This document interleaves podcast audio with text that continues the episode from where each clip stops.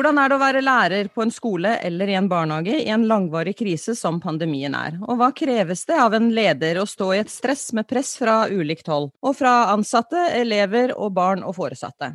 Koronasituasjonen handler om frykt for smitte, den handler om en uro for om skole- eller barnehagetilbudet strekker til, den handler om å få en ekstra bekymring for sårbare barn og elever, den handler om sykemeldinger og vikarmangel, blant annet. Hvordan holde oppe mot og krefter midt i dette.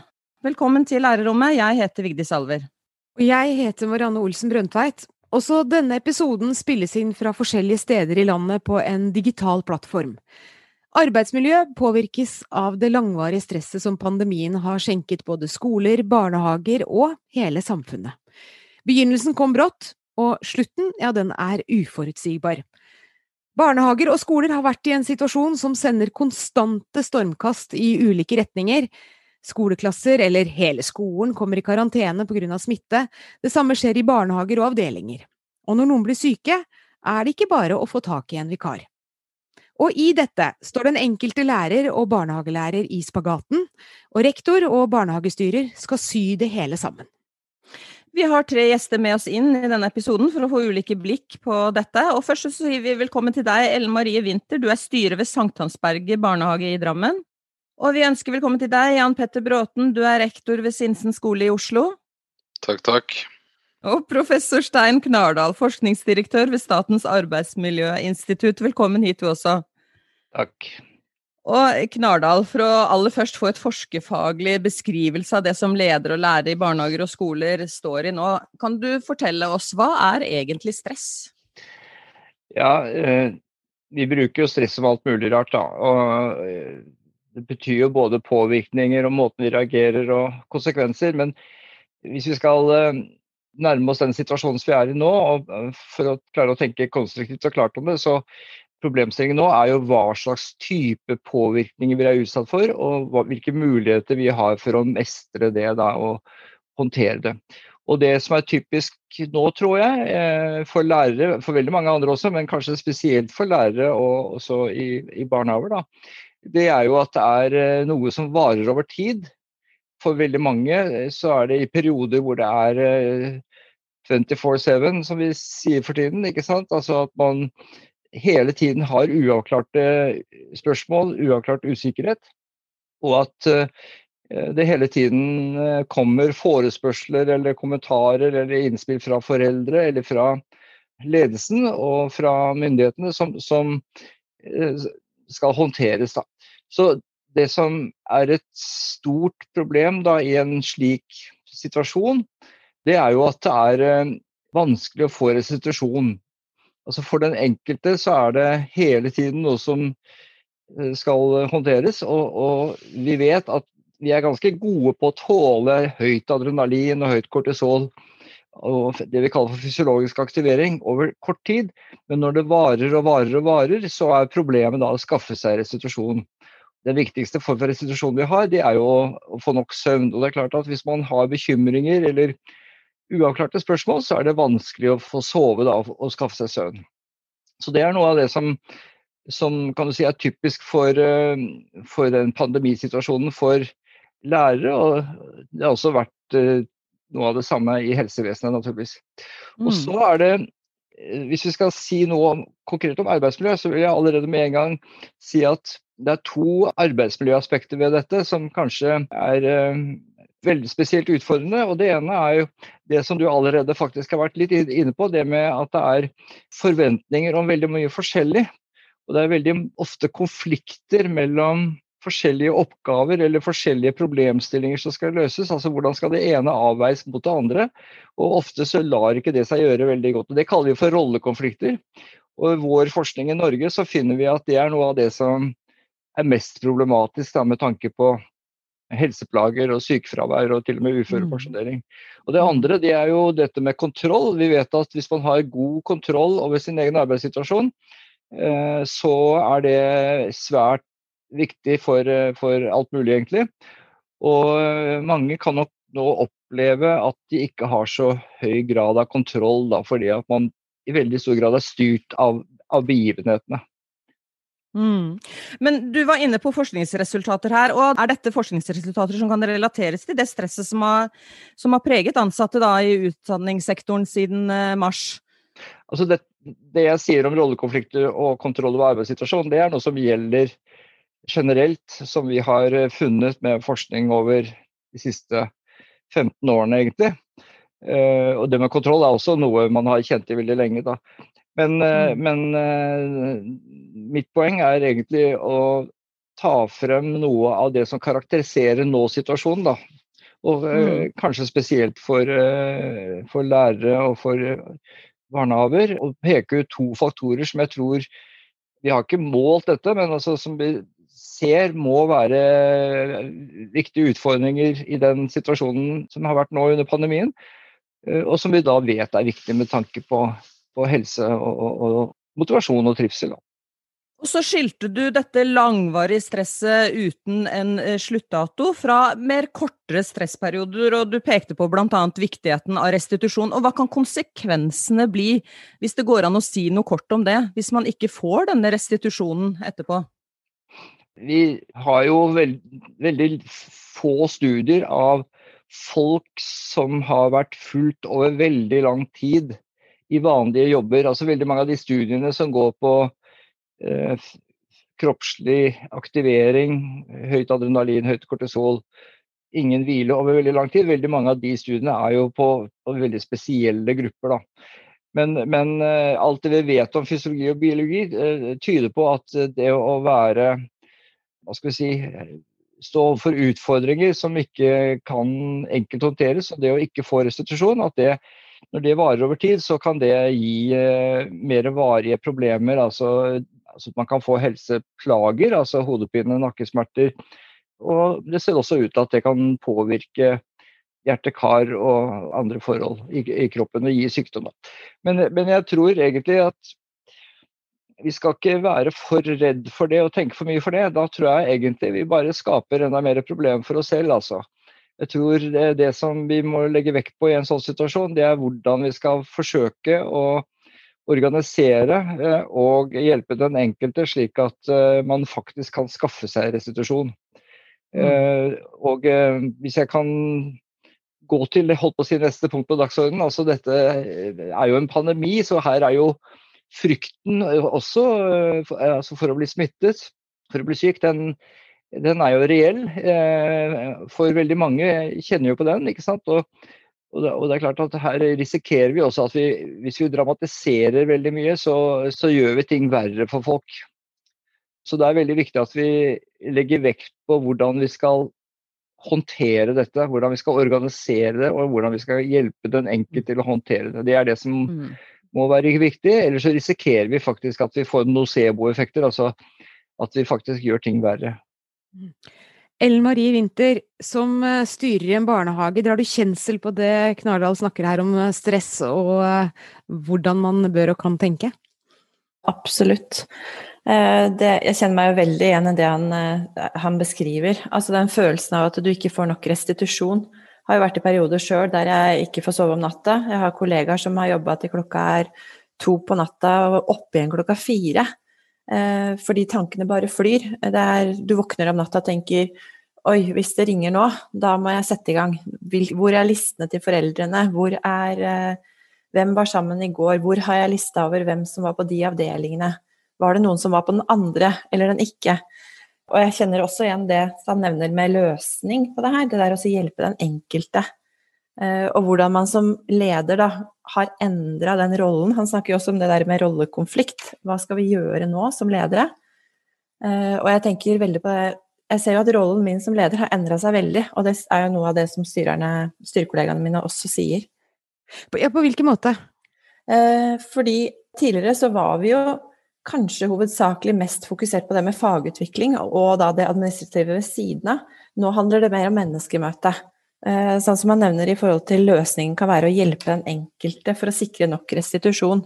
Bare det å ha de små samtalene 'hvordan har du det i dag?' men da på en annen flate.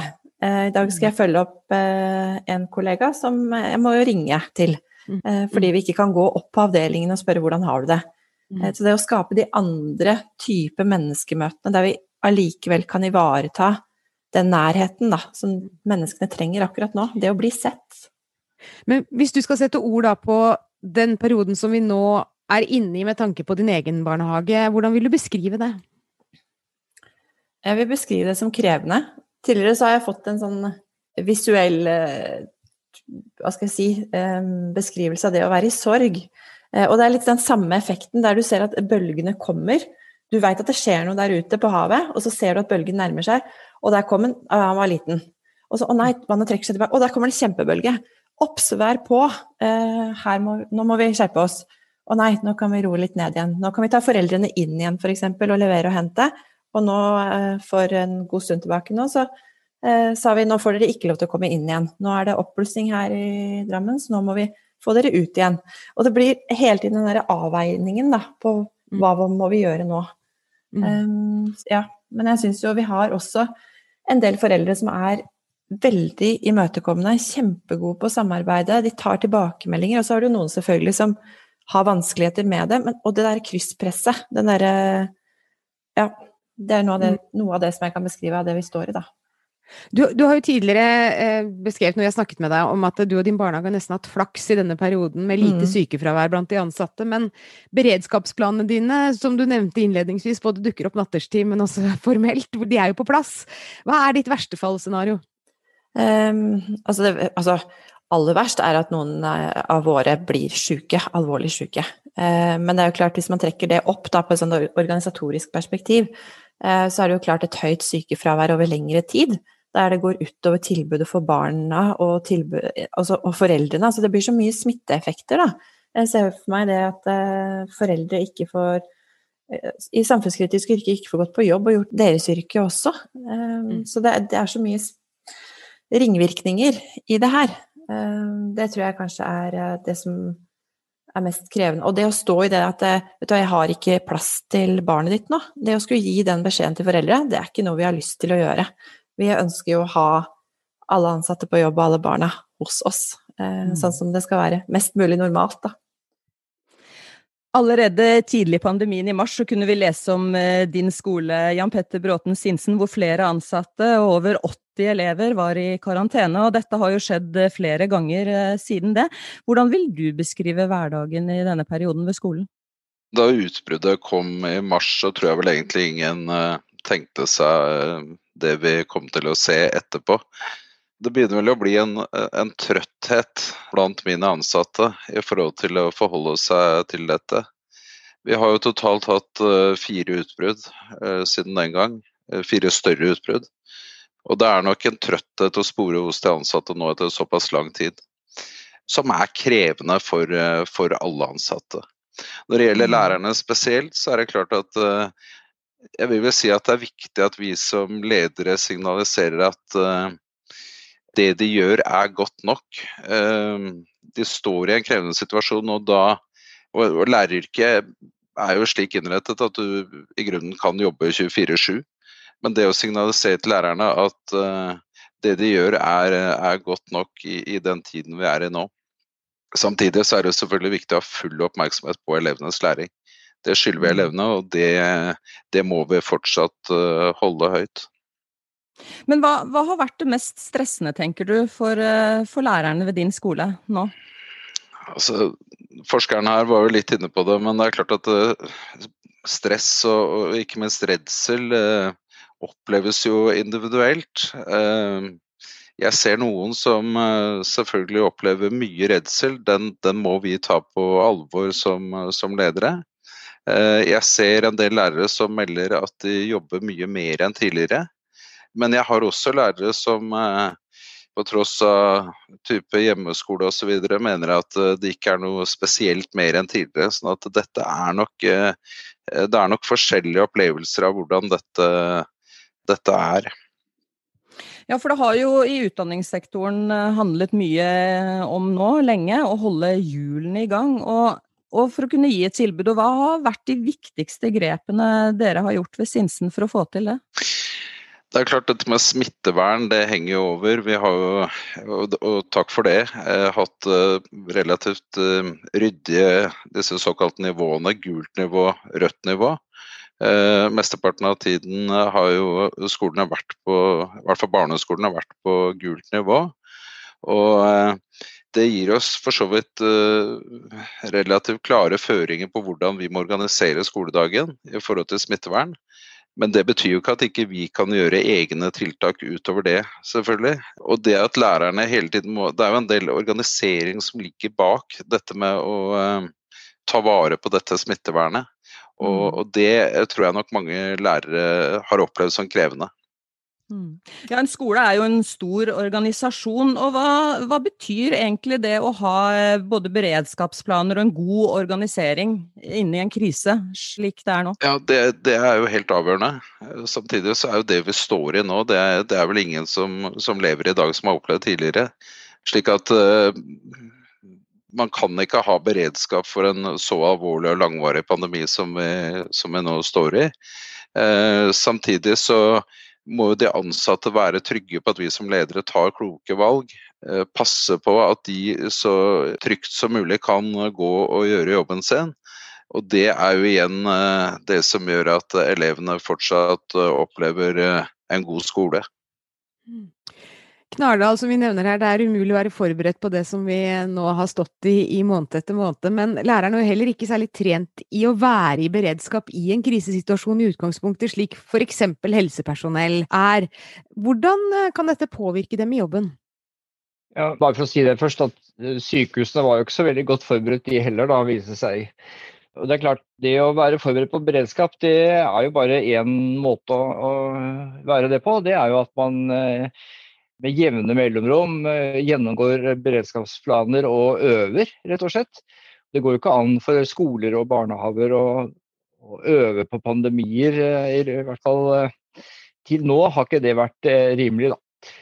Men det er klart, det som er i det, da, det er at når vi er der vi er nå, og det er 24-7, og det er veldig individuelt, som det, som det, sies, naturligvis, i hvordan den enkelte oppfatter dette her, og hvordan den enkelte håndterer det. Eh, så er det nok slik at eh, for at man skal stå i det, så er det nok viktig at det informeres veldig godt. Altså at eh, ledelsen og da, Synd å si, da blir det enda en oppgave for ledelsen. Men det at man informerer veldig godt om hva som er gjort. Og jeg vil jo kanskje forsøke om det er mulig da, å hente inn eh, altså helseeksperter som, som eh, kan eh, f.eks. informere lærere og ansatte i, i barnehager om situasjonen, om pandemien og om covid-19. ikke sant? Altså, Husk på det at frem til nokså nylig så var det veldig mye vi ikke visste. Nå vet vi en del mer. Og, og, det å bli informert av eksperter, det, det kan være lurt. Og da, da snakker jeg om eh, selve infeksjonssituasjonen. Så er det jo uansett det at eh, som jeg sa med det med å skaffe restitusjon, da er det jo også viktig at man lager en slags kollegium som, som kommuniserer litt hva som er nok, da, hva som er tilstrekkelig nå. Eh, og Det kan godt være at det er bedre for en lærer f.eks. å avslutte klokken seks og eh, gå og hvile seg eller eh, gjøre noe annet og koble ut, enn å, å surre utover kvelden. ikke sant? Altså Det kan godt være at det blir bedre resultat av det for alle.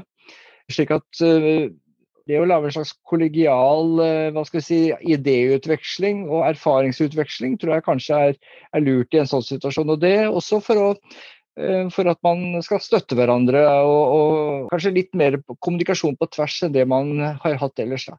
Og så er det jo slik at Da kan jo det fort opp, ende opp med enda flere møter og enda flere oppgaver og enda mer tid, men det må man avveie naturligvis. da.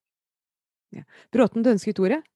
Ja, nei, bare, Det er klart at når denne pandemien traff landet, og, og vi, vi, var jo tidlig ute med da å få uh, måtte gå over til uh, et nytt begrep, hjemmeskole, eh, så må jeg bare berømme lærerne for den omstillingsevnen. Altså hvor omstillingsdyktige lærere var i den tiden. Jeg fikk mange tilbakemeldinger i den perioden på, eh, fra foresatte som, som var veldig, veldig imponert over det opplegget lærerne klarte å gjennomføre digitalt. Og det er klart, For veldig mange så var jo prisen noe av det at de brukte veldig mye av sin fritid for å få det til. Uh, og det er klart, det, det, som jo er viktig, er jo at det, den enkelte virkelig uh, får den beskjeden da, som du nå gir, ikke sant. At ja, dette var et fantastisk gjennomført. At det ikke bare er til lærerstanden, men det er til den enkelte lærer. Vinter, du ønsket også ordet?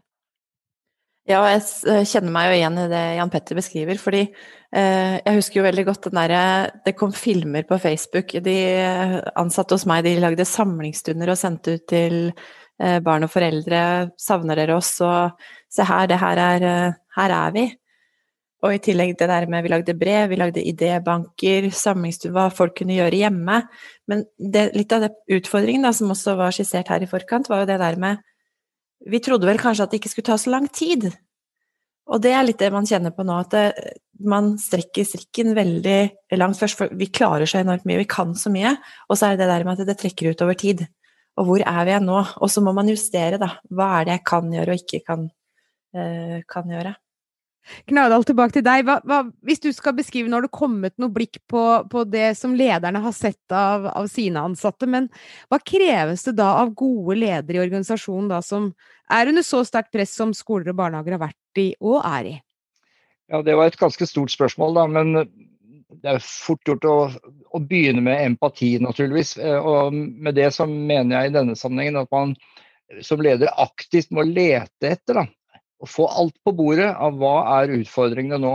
Altså hva er utfordringene for eh, den avdelingen eller den enheten som jeg leder, altså i stort. ikke sant? Og, og da er det jo smittevern, eh, undervisning skal videreføres osv. Men så må man også se på hva er utfordringen for den enkelte ansatte. Få det opp på bordet, få det tydelig, slik at man kan forsøke å håndtere det. det. Det er klart at I en sånn situasjon som vi har vært i, så kan man ikke regne med at man klarer å fikse alt perfekt. Men poenget er å få alle utfordringene og problemstillingene opp på bordet som leder. Og i og med at jeg nå har pekt på dette med rollekonflikter, og det har dere pekt på også, som en stor problemstilling, så, så, er det klart at noe av det lederne må forsøke å gjøre, det er jo å eh, bidra med å prioritere. da. Det er egentlig leders oppgave det er å prioritere slik at de ansatte ikke skal bli sittende da, eh, med tunge rollekonflikter. Eh, og da kan det jo være at det er lurt for ledere å igjen altså, forsøke å danne et kollegium. Utveksle erfaringer og gi hverandre råd. At det, at det er viktig. Og så er det jo det, dette med å håndtere frykten da, i denne spesielle situasjonen som pandemien er. Og Da er det jo viktig å, å finne ut om det er enkeltpersoner da, som, som, lider under det. Alle har vel uh, hatt noe frykt, men, men, det er klart noen reagerer mer av forskjellige grunner. Altså, man kan ha en underliggende sykdom eller et eller annet. Så, så, så det, det, må også håndteres på en eller annen måte. Og, og hvis ledere kan bidra på en eller annen måte med det, så er det viktig. Da. Og da nevnte jeg i sted dette med å hente inn noen som kan forklare litt mer og gi litt mer informasjon. En barnehagelærer beskriver jo dette i et debattinnlegg i Utdanningsnytt. Hun beskriver situasjonen under pandemien som en unntakstilstand. Dette er sjette gangen jeg tester meg i år, kan man ha flaks så mange ganger, skriver denne barnehagelæreren, og det etter at hun har måttet teste seg igjen etter nærkontakt med et barn som plutselig var syk med veldig høy feber i barnehagen. Og Vinter, har dine ansatte også har vel en, en redsel for smitte her, og hvordan håndterer du det hvis du har dette i bakteppet inn her som Knardal snakker om? Mm. Um ja, hvordan håndtere det. Det er jo litt sånn som han nevner det der med å se, se sine ansatte, da, og empati og det der å imøtekomme den frykten. Og det er jo litt av hovedutfordringen akkurat nå, når du ikke ser dem face to face. Vi som mennesker jo, leser jo de der kroppsspråket, de små responsene som vi gir i møte med hverandre. Og det er jo en del av det tolkningsbildet vi har. Eh, og det er klart at når du som leder ikke møter dine ansatte, så mister du du får et sånt filter. men det er klart at du etter hvert Jeg har jo et godt støtteapparat, da. Vi har jo verneombud, og vi har HMS-gruppe tillitsvalgte, som er fordelt ut på avdelingene. Så jeg har jo jevnlig møte med de for å høre er det noe som skjer i miljøet. Hva er det som foregår der ute? Er det noen som er veldig redde? Noen ganger får jeg jo eh, beskjeder som jeg tenker Oi, det er ikke sånn hun pleier å prate til meg. Ok, hva er det for noe? Og det å være undersøkende, finne ut av hva er det som skjer nå? Nå opplever jeg at um, Så det å være tett på og tørre å spørre, tørre å være det medmennesket, da, for å få tak i. Ellers så har vi ikke, ellers har vi ikke kjangs. Men det er klart at det, det blir jo sånn som um, ble nevnt her også, det med Da må det prioriteres oppgaver. Og det er kanskje det som også har vært utrolig vanskelig nå. Vi er jo i Drammen kommune og har jo hatt en kommunesammenslåing òg som har krevd enormt mye av oss. En omstrukturering som fortsatt vil kreve mye av oss, og oppi dette en pandemi. Mm. Um, så det er klart at uh, det å prioritere oppgaver, det er nok uh, Jeg tenkte på det når han sa det, utnytte kollegium sammen med andre ledere, finne ut av hva er det vi må gjøre, og hva er det vi kan legge bort. Hva er det vi kan vente med. Men du skal også forholde deg til eh, foreldrene og, som kan være urolige, og, og mm. barna som kanskje kan kjenne på at mye er annerledes. Og hva gjør dere med dette, med denne uroen? Uh, vi har god dialog, opplever jeg. Uh, vi har veldig mange foreldre som kommer og sier at å, det er så flott dere står på. Og vi har mye informasjon ut. Vi har informasjon ut på mailer og på Vigilo-systemet vårt. Vi er gode på tekstmeldinger. For det er jo ikke så mye face to face med foreldrene heller. Vi sikrer oss at vi har foreldresamtaler, eh, ringer, sier dere må bare ta kontakt. Vi har mailkorrespondanse ofte. Det er mye av det der å være til stede for hverandre, altså, mm. når, det er, eh, når, det er, vanskelig. Mm. Mm. Og så må dere snakke med barna selvfølgelig om, eh, om situasjonen. Og, mm. og eh, hvordan henter du støtte selv som leder? Eh, det er nære styrekollegaer, først og fremst. De som står, står, i samme stilling som meg. For det er noe med å kunne identifisere seg og snakke om det man står i. Så det å få prata med gode kollegaer på linje, så er det jo klart at vi har vi, vi, Jeg snakka litt med noen kollegaer i går som snakka om det at vi har fått uh, utdelt stor tillit fra vår kommunalsjef nå i forhold til å ta avgjørelser ute i barnehagen. Og det å få tillit, det er det også en støtte i. Eh, det får en sånn to, eh, todelseffekt. Så det å få lov til å få, få, myndighet til å ta gode avgjørelser på vegne av barn, foreldre og ansatte, det er også en støtte. Og så har vi jo virksomhetsledere også over oss som vi kan ringe og ta kontakt med hvis det er behov for det. Bråten, én ting er jo smitte og smitteredsel og risiko. Noe annet er jo da den ekstrajobbbelastningen som du også har vært inne på tidligere, og som du også har nevnt. Det er jo store forskjeller og individuelle forskjeller om hvordan dette oppleves og håndteres. Men hvor mye mer enn normalt vil du anslå at du selv og en ansatt nå jobber, eller har jobba da siden mars? Det er nok åpenbart uh, mer. Uh, samtidig så Jeg var inne på det tidligere også. Vi har jo også uh, lærere f.eks. som melder om at de ikke opplever at det er spesielt mye mer å gjøre. Selv om nok flertallet sier det motsatte. Jeg, jeg tenker vel at de ansatte er jo også forskjellige. forskjellig alder, ikke minst. og det kan vel være at de aller yngste lærerne lett lettere eh, omstiller seg til disse digitale plattformene. At eldre lærere kanskje opplever at eh, de yngre lærerne har et større register når det gjelder kreativitet og, og opplegg, eh, digitale opplegg. Så eh, her gjelder det å, å ha blikket på, på alle ansatte, eh, fordi det er en, en ny tid. Når det gjelder det digitale, så, så, er det klart at det var jo en del diskusjoner rundt dette med læringsbrett eh, før pandemien kom. Og, og, jeg også var jo absolutt en av skeptikerne i forhold til å integrere læringsbrett for raskt i skolen. Eh, det var lite forskning på det, vi, vi visste ikke helt hva det ville si for elevenes læring. Men det vi kan være enige om eh, nå, etter å ha stått i pandemien i lang tid, er jo at digitale læringsbrett og digitale verktøy har vært veldig, veldig viktig i denne perioden. Det snakkes jo også om da fra ulike hold at utdanningstilbudet i denne perioden er svekket. Eh, finnes det noen ansatte eller elevgrupper som du opplever at du er mer bekymra for nå enn du var tidligere? Og hva kan du som leder, eller hva gjør du med den bekymringen? Vi vet jo det at elevene, veldig mange elever, trenger å komme til skolen og være en del av et sosialt fellesskap. Og det er klart Noen elever trenger det kanskje mer enn andre elever. Eh, vi så under den eh, såkalte hjemmeskolen at eh, mange hadde små leiligheter, det var flere søsken som var på hjemmeskole. Og det er klart det var krevende for en del av elevene våre under den perioden. Det er snakket mye om sårbare barn, og det er klart at barn er jo sårbare på forskjellige måter. Og det er viktig å ha et blikk på de barna som vi, som vi tenker trenger ekstra oppmerksomhet når de er mye hjemme og lite på skolen. Blant annet var jo inne på det, dette her med hva det betyr dette å få tillit og, og, anerkjennelse. Og hva kan du si, Knardal, om hva det betyr å føle seg både anerkjent og sett for den jobben man gjør, og med de utfordringene man står i for en leder f.eks., og også for en barnehagelærer og lærer? Ja, du kan si Det er jo eh, minst to aspekter ved det. Det ene er jo det å få positiv feedback på det man gjør. Altså det at eh, det man gjør blir evaluert. At man ser resultater og får feedback. Det, det er veldig viktig. Det er spesielt viktig for motivasjon, naturligvis. Og så er det også det med bemyndigelse. altså det vi kaller for bemyndigende ledelse. Da. Så det at man ikke bare delegerer enkeltoppgaver, men at man delegerer ansvar og ressurser. Altså det at uh, den enkelte ansatte gis tillit da, til, å, til, å, operere hva skal jeg si, selvstendig.